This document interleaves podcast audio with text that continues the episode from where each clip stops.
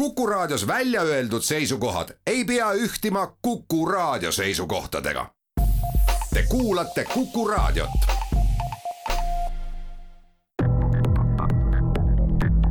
krimiraadio, Krimiraadio. tere taas, eetris on Krimiraadio ning ajakirjanikud Raul Ranne ja Karel Reisenbuk. tänases saates räägime ohtlikest olukordadest, kus kasutusel on relvad ja relvataolised esemed. Sellised juhtumid on Eestis ootamatult sagedased. teemat aitavad lahata Politsei- ja Piirivalveameti Põhja prefektuuri prefekt Joosep Kaasik ja kiirreageerimistalituse juht Silver Hanikat. tere tulemast Krimiraadiosse.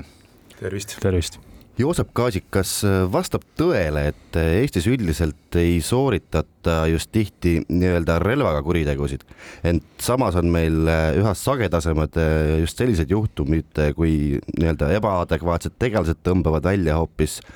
päris relvaga äravahetamiseni sarnase eseme, et siis sellega ähvardada või, või niisama vehkida? Täpselt nii, et tegelikult äh, politsei pea igapäevaselt äh, puutub kokku circa viie kuni kuue juhtumiga, kus inimestel on kaasas äh,, nad vehivad mingisuguse relvataolise esemega, samas kui me võtame arvu, mis on siis sooritatud relvaga, neid on oluliselt vähem, et neid on mõned üksikud. ehk teisisõnu, see relvataoliste esemete kasutamine igapäevases elus on üpris sage ja, ja see on meil päris suur peavalu möödunud aastal fikseeriti häirekeskuses keskmiselt äh, vist koguni kaks säärast juhtumit päevas. Te vist korra mainisite ka seda numbrit, et kuidas see seis tänavu on?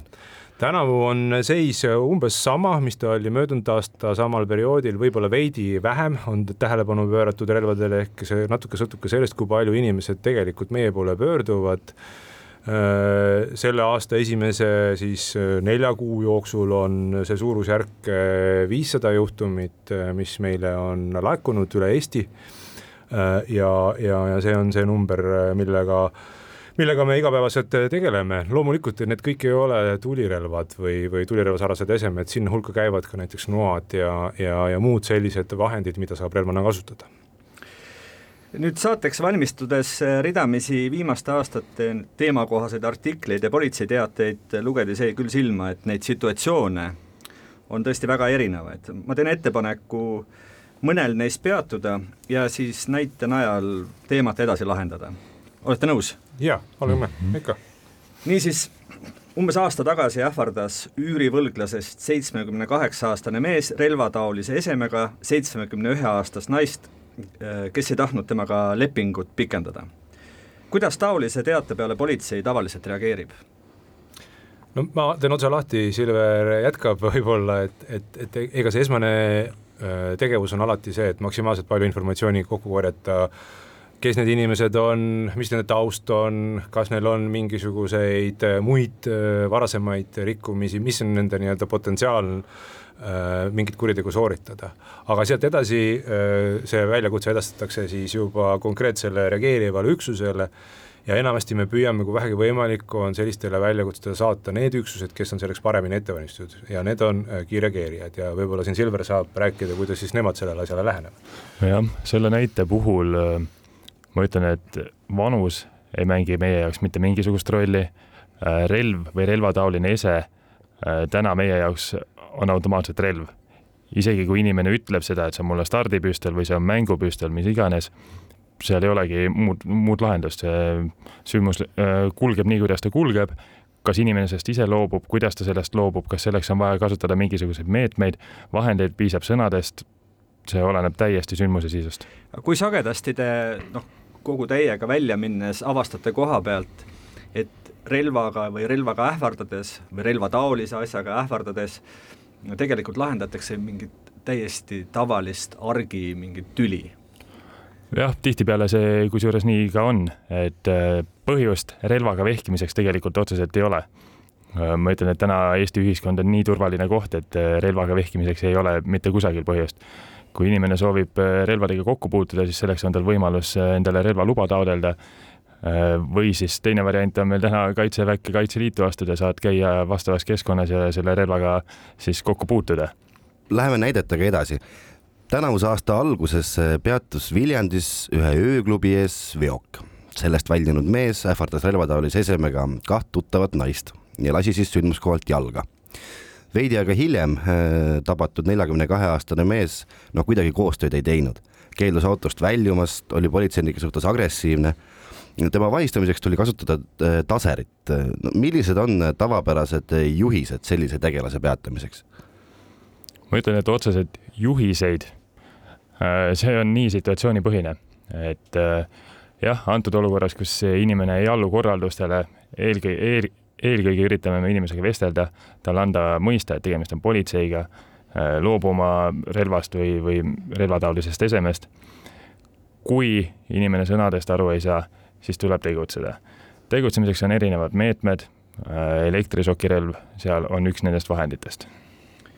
kui keeruline koha peal olles on ikkagi hinnata seda, mis selle inimese peas toimub? teil on väljakutse, te olete täies varustuses kohas ja te peaksite nüüd hindama, et mis tegelane ta üldse on, on ta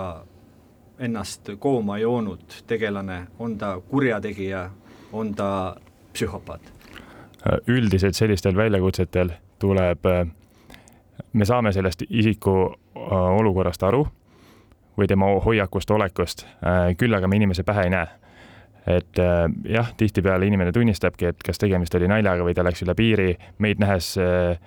ma julgen öelda et, et üheksakümmend viis protsenti olukordades äh, relvadest loobutakse kohe, antakse alla. aga see viis protsenti säilib ja nendel olukordadel see inimene võib olla täiesti ettearvamatu ja seal tuleb lugeda murdosa sekundis kehakeelt ja vastavalt oma väljaõppele, treenitusele peame me ka selles olukorras reageerima. no me mainisime korra ka taserit need ei ole nüüd väga pikka aega äh, Eestis kasutuses olnud. Äh, kuidas need on ennast õigustanud siiamaani? No ma võin siin öelda, et, et ma arvan, et taserite kasutamine on täna säästnud üpris palju inimelusid, äh, sest et tegelikult taseri kasutamine, mu olemuselt on täna toimumas samadel alustel, mis tulirelva kasutamine. Ja, ja ilmselgelt risk taseri tõttu saada äh, viga on äh, võrreldes tulirelvaga väga-väga väike. Ja see on see koht, kus me täna tegelikult saame öelda, et, et taserid, kõikvõimalikud ohtlikud ründed, nende tõkestamine, noaga vehkijad, need on ikkagi üpris tavapärased äh, sellised vahendid, kuidas me neid ründeid täna tõrjume äh, ja, ja noh, see on kõige vähem kahjustav meede, juhul kui tegemist on tõsise ohuga elule ja tervisele. aga teeme siin väikese pausi Krimiraadio. krimiraadio. krimiraadio jätkub tänase saate teemaks on relva või relvataolise esemega ähvardamised ja saate külalisteks on Põhja prefektuuri prefekt Joosep Kaasik ning kiirreageerimistalituse juht Silver Hanikat. Joosep Kaasik, neid olukordi, kus mees ähvardab kodus naist, on väga palju, kui hinnata kas või meedias ilmunud politseiteateid kas on võimalik näha mingeid üldiseid ühiseid iseloomujooni, miks mõned mehed ei suuda muud moodi kodus tüli lahendada, kui haaravad relva? Äh, see on väga raske vastata sellele küsimusele, nii nagu Silver ütles, ega me inimeste pähe väga ei näe ja ja tegelikult äh, ma arvan, et selle relva, relvataoliste esemete äh, üldine iseloomustav joon või miks neid kasutatakse, on, tundub, et äh, arvatakse, et neid kasutades on, ollakse nagu suuremad või tugevamad või võimsamad, et see näitab midagi. Mul on jõud, mul on võim ja, ja tegelikult, kui me räägime lähisuhtevägivalla juhtumitest, siis nendes juhtumites ju eeskätt on eesmärk näidata oma võimu kellegi teise üle ja, ja see on üks täiendav meede või vahend, millega inimest hirmutada ja, ja see see noh, see relv või vahet pole, missugune relvataoline ese, kui inimene ei ole ka selle maailmaga väga kursis, noh, see on asi, mis päriselt ja tõsiselt inimesi hirmutab. no mis juttu sellised tüübid näiteks ülekuulamisel räägivad? No ikka sama juttu, mis, mis kõik teised, et ega ma tegelikult midagi hullu ju ei tahtnudki Äh, aga noh, lihtsalt nii läks, on ju, et, et see on üsna tihti selline vabandus äh, või siis äh, räägitakse emotsionaalsest pingest, närvis olemisest, mõtlematusest ja noh, täna võib öelda ka seda, et, et päris suur osa nendest inimestest, kellega me kokku puutume nendes olukordades, üpris kiiresti saavad aru, et, et tegelikult ei olnud hea mõte sellisel viisil ennast näidata, väljendada või neid äh, neid asju teha, mida ta tegi ja, ja, ja aga noh, siis on juba tegu tehtud ja, ja mina ikkagi väga väga nagu tahaks, et inimesed mõtleksid selle peale enne, kui nad midagi ette võtavad, sest pärast võib olla väga hilja. me rääkisime nüüd juhtumitest, kus mees ähvardab naist, aga ma leidsin ka siin üsna äsjasest ajast ka juhtumi, kus äh, Narvas kolmekümne kaheksa aastane naine ähvardas relvataolise esemega teist daami, neljakümne viie aastast naist siis. kui haruldased on need juhtumid, kus ikkagi naine haarab relva või relvataolise eseme, et kedagi ähvardada? ma ei, ei oska seda konkreetset juhtumit sealt sugugi kommenteerida hetkel, aga, aga ma võin seda öelda, et tegelikult ei ole üldse vahet, mis soost need inimesed on, võib juhtuda mõlemat pidi ja, ja see on see, milleks meie peame alati valmis olema, et nii naised kui mehed, noored kui vanad, kõik võivad neid asju kasutada ja, ja see Äh, milleni see olukord eelnevalt või kuidas see olukord sinna jõudis eelnevalt tegevuste tagajärjel, see ei ole üldse oluline. Et äh, oluline on see, et kui sellesse staadiumisse jõutakse, mis siis edasi tehakse ja tegelikult ju noh, rääkides äh, relvadest laiemas vaates kui ainult tulirelvad või, või tulirelva sarnased asjad, siis noh, meil on iga aasta mitmeid juhtumeid ka selliseid, kus päriselt keegi otsa saab, näiteks noa, noarünnaku tagajärjel ja neid on mõlemat pidi, nii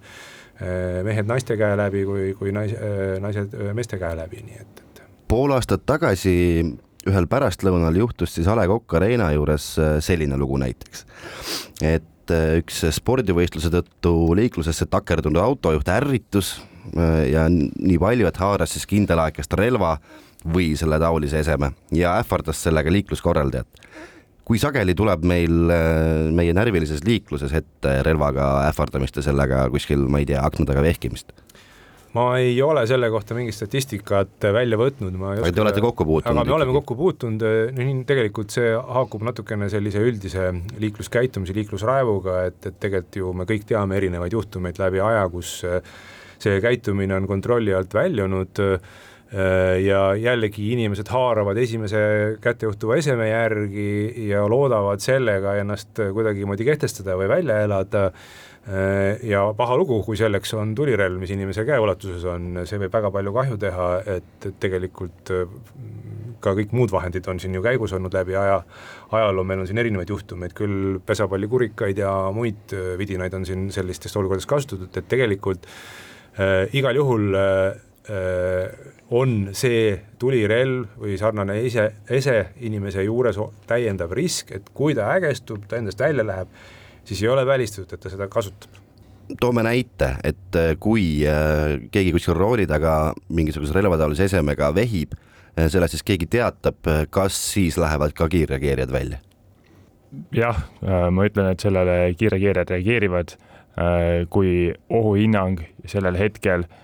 ressursihaldurile tundub, et see on reaalne, see oleneb taaskord hästi palju sellest situatsioonist endast. Aga täna ma ütlen, et kui on relvaga vehkimine ja inimese elutervis selles olukorras oli reaalselt ohus, siis kiirreageerijad sinna ka reageerivad. ma ei teagi, kas te olite, osalesite selle olukorra likvideerimisel. kui proovida ette kujutada, et keegi vehib liiklusummikus või, või tipptunni ummikus äh, relvaga, et kuidas see tegevus tegelikult teie puhul noh, välja võiks näha, sest on ju näha, teada, et siis on seal palju autosid, palju inimesi olukord on mõnevõrra teine kui kuskil korteris kellegi kahe inimese probleemi lahendada. ütleme, taktikalises pooles ma detailidesse ei lasku, küll aga lähtume me endiselt sellest, et meie jaoks suurim oht on see inimene seal autos selle relvaga ja kõik kolmandad isikud, kes seal ümber on, siis inimesed, kes on nii, liikluses autodega, kes on kõnniteedel, nii edasi nende ohutus on prioriteetne. Teisalt on ohutus, kiirreageerijate ohutus prioriteetne, et me kõik oleme inimesed, me kõik tahame minna õhtul koju naise ja lapse juurde ja sellest, kuidas see olukord lõpeb, see sõltub suuresti selle relvaga vehkija otsustest. ma võib-olla siit natukene aitan või täiendan veel juurde, et, et tegelikult nüüd seda konkreetset näidet tuues, siis äh, jaa, äh, nii nagu ma alguses ütlesin, kiirreageerijad on meil äh, rohkem ette valmistatud keerulisteks äh, sündmusteks, nende lahendamiseks, aga üldine põhimõte on ikkagi see, et lähim patrull reageerib, sest meie jaoks on võimalik, oluline võimalikult kiiresti see situatsioon lahendada, aru saada, mis seal toimub ja, ja, ja kui on näha, et seal on tegemist tõsise olukorraga, siis, siis loomulikult kaasame kõiki võimalikke abijõude, mis selle lahendamiseks vajalikud on et, et see on võib-olla esmane asi ja, ja, ja oluline on see, et see oht saaks võimalikult kiiresti neutraliseeritud, ükspuha millisel viisil. kui me räägime relva kasutamisest, siis ei ole välistatud risk äh, selle inimese jaoks, et ka meie peame tema suhtes relva kasutama. ma veidikene venitan seda teemat edasi, et oletame, et inimene sai oma viha välja elatud, ähvardas midagi, istus autosse tagasi ja sõitis minema. Kas sellega on olukord lahenenud või tegelikult nüüd äh, tuleb ta veel lahendada, sest ta võib olla jätkuvalt ohtlik? see sõltub hästi palju nendest olukordadest ka, üldjuhul äh, kui, kui me teame, kellega tegemist on, siis see olukord ei ole lõppenud ja me tegeleme selle isikuga edasi, on tihti olukordi, kus meil puudub äh, täpne informatsioon selle inimese, selle sõiduki kohta ja me ei suuda seda tuvastada. noh, alles hiljuti siin oli näide, kus äh, Pirita jõe ääres inimesed paugutasid ilmselt ka stardipüstolitega, seni kuni me sinna kohale läksime, siis, siis ei olnud seal enam kedagi, oli leida ainult hülsid maast, tühjad hülsid. Eh, ja, ja, ja noh, sellega tegevus piirdus, kuna meil puudus igasugune informatsioon nende kohta, et, et sõltub natukene nendest olukordadest, kui me teame isikut, siis me tegeleme temaga edasi ja tegelikult täna, kui me räägime olukorrast, kus inimene avalikus kohas relvataolise esemega vehib ja keegi tunneb endale ohtu, siis on võimalik teda ka siis kas äh, väärteo või, või, või kuriteo, sõltuvalt siis nendest asjaoludest, äh, eest karistada. ja, ja tegelikult selline äh, Äh, lihtsalt relvaga vehkimine avalikus kohas tähendab avaliku korra rikkumist, kui sellega on reaalselt põhjustatud ka kellelegi ohtu, siis on see avaliku korra raske rikkumine ja üks on neist väärtegu ja üks, teine neist kuritegu, parimal juhul lõpeb see arestiga, halvimal juhul võib ka selle eest vangi panna. no mu järgmine küsimus olekski olnud, et mis taolise närvihaige karistuseks oleks või noh, ütleme, kui ta liiklusolukorrale ei suuda vastu panna ja seal kipub liikluskorraldajat ähvardama kui me, jällegi väga raske on öelda, sest et kui me räägime nendest äh, inimeste karistamisest, siis see sõltub hästi palju nendest asjaoludest, selle isiku taustast. kas ta on varem millegi muu eest karistatud või mitte aga kui see inimene on ka varem meile kuidagimoodi silma jäänud ja oleks seesama situatsioon, et ta vehiks selle, sellega, siis ma arvan, täna äh, räägime hüpoteetiliselt, siis me ilmselt läheksime kohtuniku juurde talle aresti küsima, sest see on meie arvates väga ohtlik rikkumine, mis väärib kiiret reageerimist ja inimene peab aru saama, et sellised äh, rikkumised äh, võivad kaasa tuua mingid tagajärjed. Mullu sügisel ühel õhtupoolikul politseinikud pidasid kinni kaheksateistaastase noormehe, kes siis ka äh, relvataolise esemega jällegi ähvardas ja röövis üht meest tänaval ja muidugi ähvardas sellega ka möödujaid. no siin on tegu nii-öelda klassikalise tänavarööviga. mulle pole silma jäänud, et praegusel ajal äh, Tallinnas ja Eestis üldiselt äh, selliseid juhtumid, juhtumeid kuidagi palju oleks või siiski? ja tegelikult Eesti, nii nagu me alustasime, on täna väga turvaline koht võrreldes paljude riikidega Euroopas ja ka mujal. Et äh, õnneks selliseid rööve pannakse toime väga-väga harva.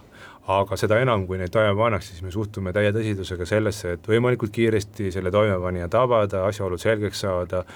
ja, ja see oht siis äh, kuidagimoodi äh, lahendada, et, et sellist asja rohkem ei juhtuks.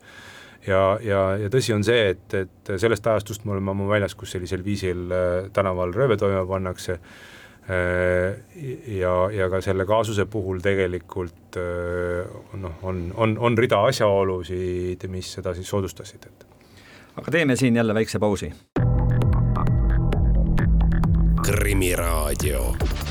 Krimiraadio. krimiraadio jätkub stuudios on ajakirjanikud Raul Ranne ja Karel Reisenbuk ning meil on külas ka Põhja prefektuuri prefekt Joosep Kaasik ja kiirreageerimistalituse juht Silver Hanikat. täna räägime relva või relvataolise esemega ähvardamisest, mida nagu selgub, tuleb hämmastavalt tihti ikkagi ette. näiteks Saaremaal äh, vahistati kolme aasta eest äh, varem kriminaalkorras karistatud kolmekümne ühe aastane naine, kes ähvardas purjus päi õhupüstoliga vallaametnikku. kui keeruline on koha peal Äh, kas politseinikel või siis juba kiirreageerijatel hinnata, mis relvaga seal parasjagu ähvardatakse? ma ütlen, et äh, antud näite puhul, kui räägitakse õhupüstolist või õhk, õhkpüssist, siis jah, kui me võtame selle klassikalise õhkpüssi, mis äh, paljudel peredel siis kodus on, millega tinaplönne lastakse, siis selle kuju poolest võiks eeldada, mis ta on.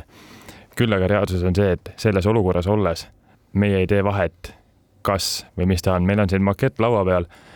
nimelt. seda pealt vaadates või hinnates on praktiliselt võimatu tuvastada, kas või kas ta on siis tulirelv või relvataoline ese jah, siin detailidesse laskuda, kui sul on rahulikult aega seda hinnata ja vaadata, Äh, siis sa teed selle vahe. aga kui me võtame näiteks Tallinna vanalinna öine aeg kell pool kaks öösel äh, ja inimesel on selline asi käes, siis sa sellel vahet ei tee. tähendab, sellisel juhul te reageerite justkui seal käes oleks ikka päris relv? igal juhul lähtume me sellest, et tegemist on päris relvaga, vahet ei ole, milline see näide on kolm aastat tagasi ähvardas Sakus äh, mees relvataolise esemega naist ja kujutage ette, väike last kui on teada säärane situatsioon, siis eh, kuidas politsei tegutseb olukorras, kus ähvardatav on laps? tegelikult äh, Silver juba varem vastas, et meie asi on kaitsta kõiki, kelle elu ja tervis võib olla ohus, et äh, lapse puhul on see veelgi olulisem ja, ja loomulikult ka emotsionaalselt veelgi, veelgi kuidagi äh, meid mõjutav, et, et sellist olukorda lahendada ja ja, ja, ja, ja igal juhul äh, nii nagu me varem rääkisime, meie esimene eesmärk on see oht võimalikult kiiresti ja kõrvalseisjatele ohutult äh, äh, siis lahendada neutraliseerida ükspuha milliste seaduses lubatud viisidel, sealhulgas ka erivahendeid ja, ja meile antud siis muid vahendeid kasutades, sama Taseri näide, millest me siin eelnevalt ka rääkisime, on üks, üks asi, millest meil täna õnneks on olemas mida me saame kasutada sellistes olukordades. ja ikkagi mulle meenub ajaloost üks vägagi traagiline juhtum, kus lõpuks ikkagi see isa oma last lasi. et eh, kas seal on veel mingisugune psühholoogiline tegevus, eh, et eh, noh, olukord kuidagigi rahu, maha rahustada, enne kui seal äkilisemaks läheb? jaa, kui me räägime sellisest pikast kestvust asjast, noh, mis ma, ma mõistan, et siin me räägime juba nagu pantvangi olukorrast, kus tegelikult me teame, et kellelgi on mingid halvad kavatsused, ta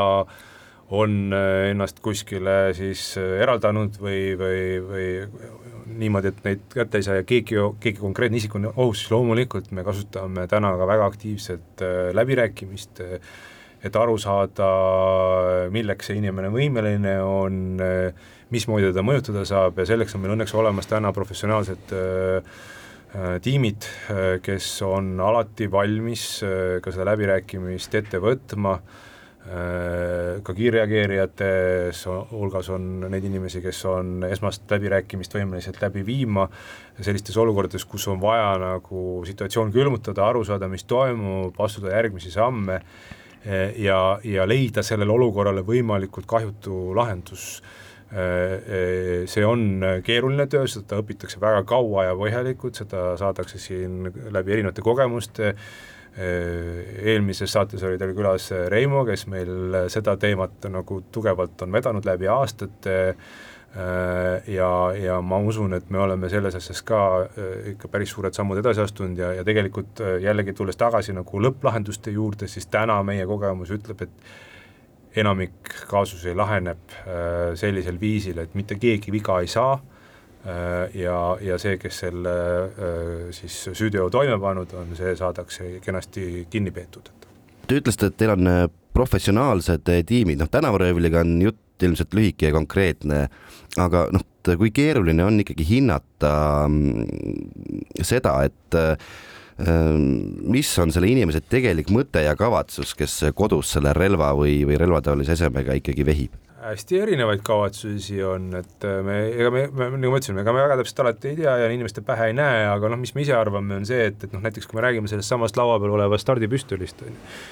noh, ma ei tea, küsime enda käest, et äh, kas või teil saatejuhtidel, et kas teil on sellist asja vaja või milleks teil seda vaja võiks minna, teoreetiliselt. mina tunnistan ausalt, mul ei tule ühtegi head mõtet, milleks mul seda võiks vaja minna, järelikult äh, või minul oleks selline tunne, et, et see võib-olla on see lihtsalt, millega sa tahad äh, kuidagimoodi uhkustada, näidata, et sul on mingisugune võim,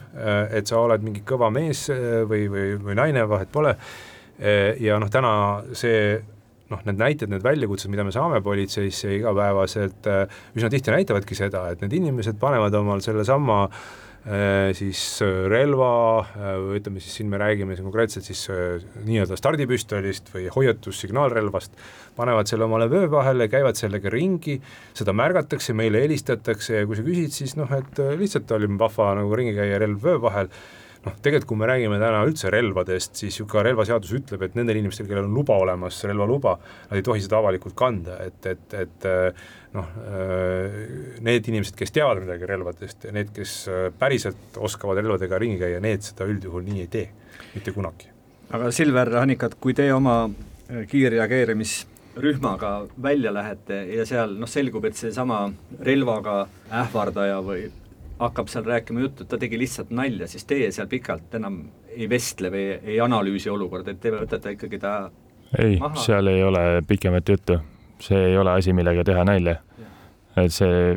nagu ma enne ütlesin, täie tõsidusega ja lähtume lõpuni, et tegemist on tulirelvaga. et koha peal hiljem jaoskonnas ja. no, juba selgitate, et Täpselt. mis relv, mis eesmärgid, mis mõte. mulle ei anna ikkagi rahu, et see moment, et kui mõni inimene on noh, vaimuhaige tuleb ju ette.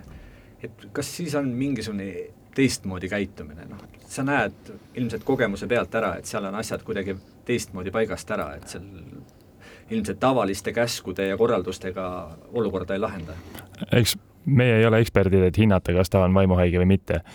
jah, praktika pealt ma võin öelda, et äh, sa tajud seda, et midagi on teistmoodi äh,. kindlasti oled sa ettevaatlikum äh, ja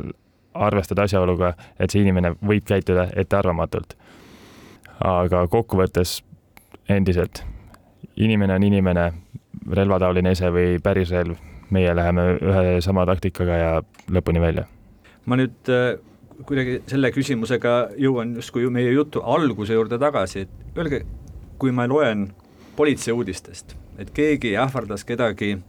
relvataolise esemega, siis teie kogemuse järgi need relvataolised asjad on mis asjad tavaliselt? kui me statistika vaatest räägime, siis äh, tegelikult äh, suurem osa nendest on külmrelvad, ehk teisisõnu, kõige rohkem puutub kokku nugade, äh, matšeetede, igasuguste muude selliste huvitavate terroristidega, see on kõige rohkem levinud asi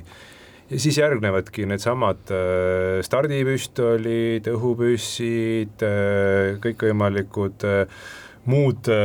sellised asjad, millega on võimalik mingit pidi pauku teha või, või siis midagi välja tulistada, aga mis ei ole otseselt nagu eluohtlikud oma, oma olemuselt, et et need on need asjad, mil, mille, mis on nagu valdavalt inimestel käes ja on ka neid juhtumeid, kus on lihtsalt makett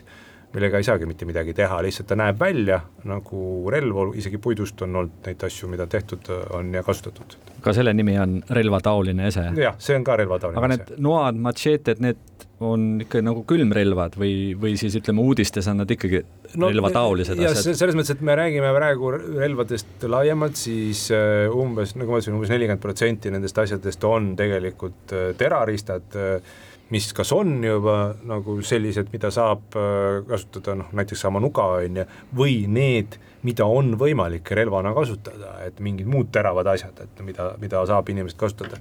aga tõsi on see, et, et äh, peaaegu igapäevaselt me puutume kokku ka selliste vahenditega, nagu siin laua peal on, ehk et teisisõnu, neid juhtumeid on palju ja nad teevad äh, ka pauku, mis omakorda on täiendav ohu siis selline märk inimestele ja ka meile et ja noh, tegelikult äh, nüüd tulles tagasi selle meie reaktsiooni peale, mis meie võib-olla selline murekoht on see, et, et äh, ma arvan, et äh, on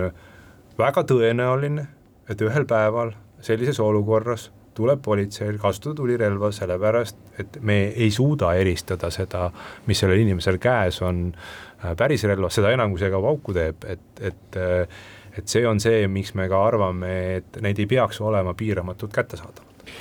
sellest, mida teha, et äh, päris relvale väga, vägagi sarnanevaid äh, relvataolisi esemeid liiguks vähem ja et kuidas neid paremini eristada, räägime pärast väikest pausi. krimiraadio, Krimiraadio. täna oleme põhjalikumalt rääkinud äh, ühest politsei mureteemast. selleks on siis relvataolise esemega ähvardamine saatekülalisteks on äh, Põhjaprefektuuri prefekt äh, Joosep Kaasik ja kiirreageerimistalituse juht äh, Silver Hanikat. nagu me senises põgusas loetelus oleme märkinud, siis ähvardatakse kõikvõimalikke ühiskonnaliikmeid, pereliikmeid, ma ei tea, üürileandjat, vallaametnikku, liikluskorraldajat, keda iganes. Ähvardatakse, et röövida, vahel vehitakse niisama joobes peaga ringi laiates. aga kui sageli on sündmuskohale saabunud äh, politseid relvataolise esemega ähvardatud ja milline see tegutsemisplaan siis käivitub? arvuliselt äh, jään vastuse võlgu, ma ei oska seda öelda.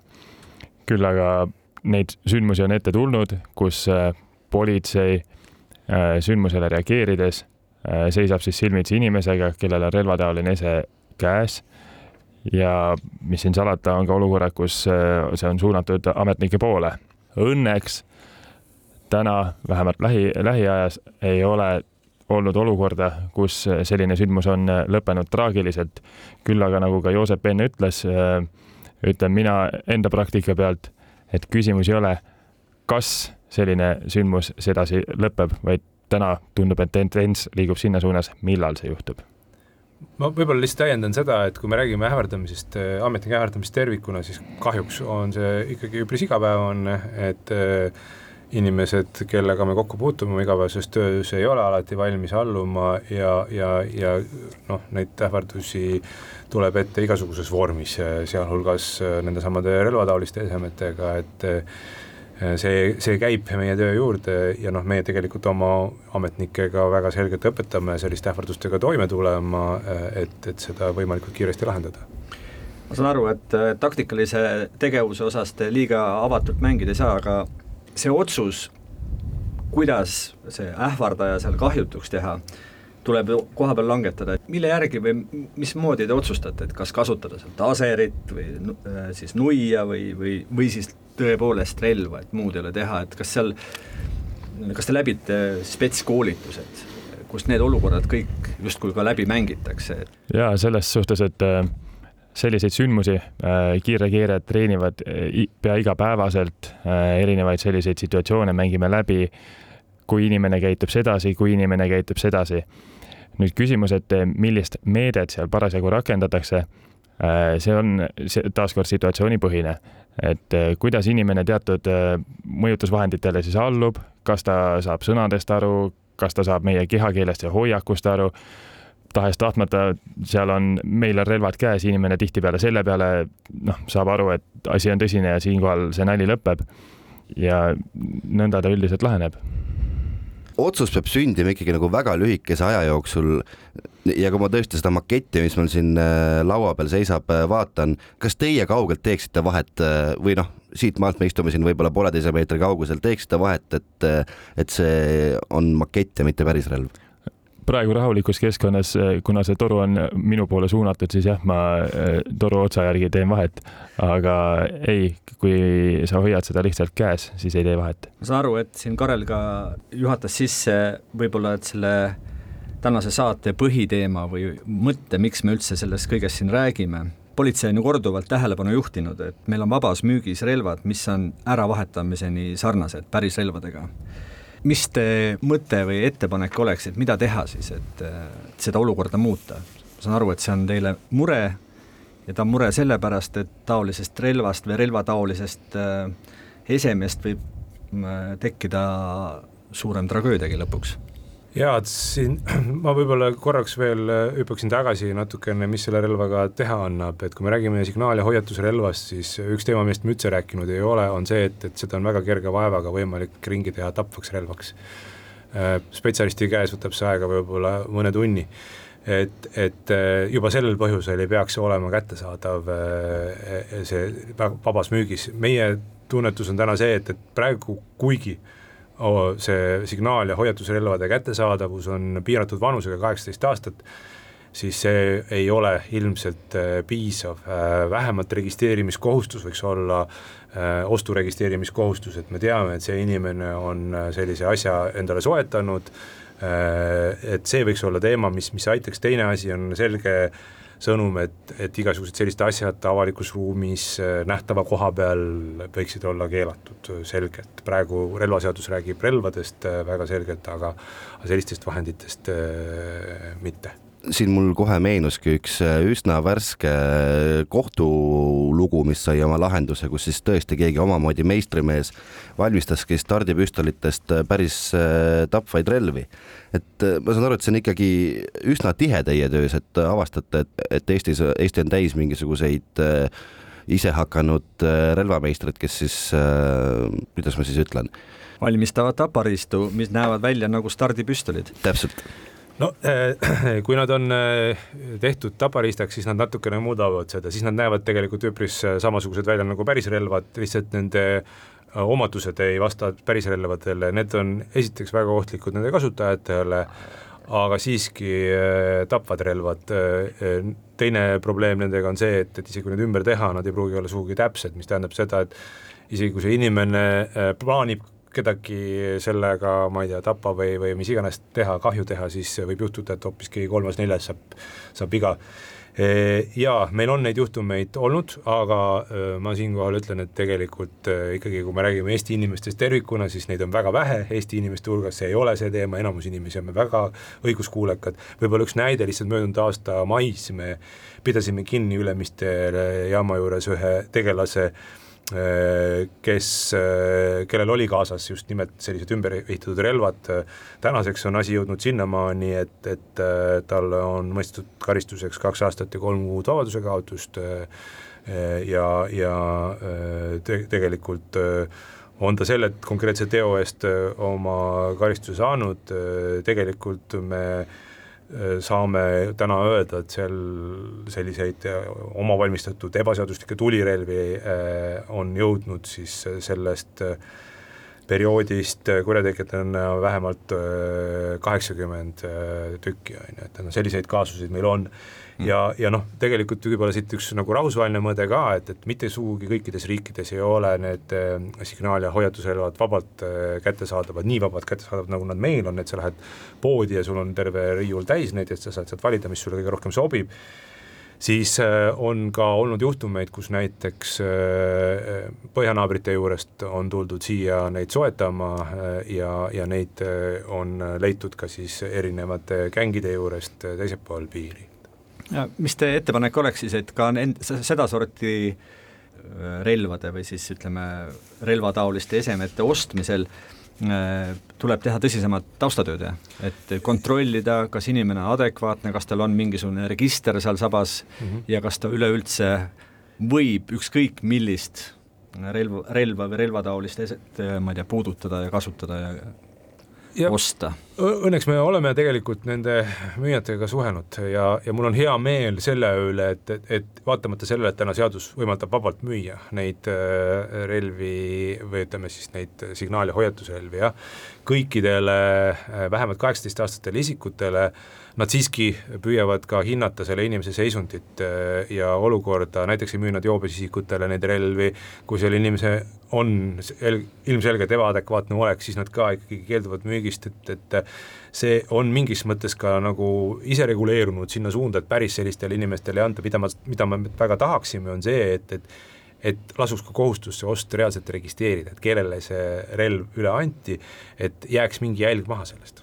Ma olen veel kuulnud igasuguseid eh, huvitavaid ideid, et eh, noh, et kui näiteks pimedas on kuskil raske ära tunda seda, et kas ta on päris relv või mitte, et on jutuks olnud näiteks ka,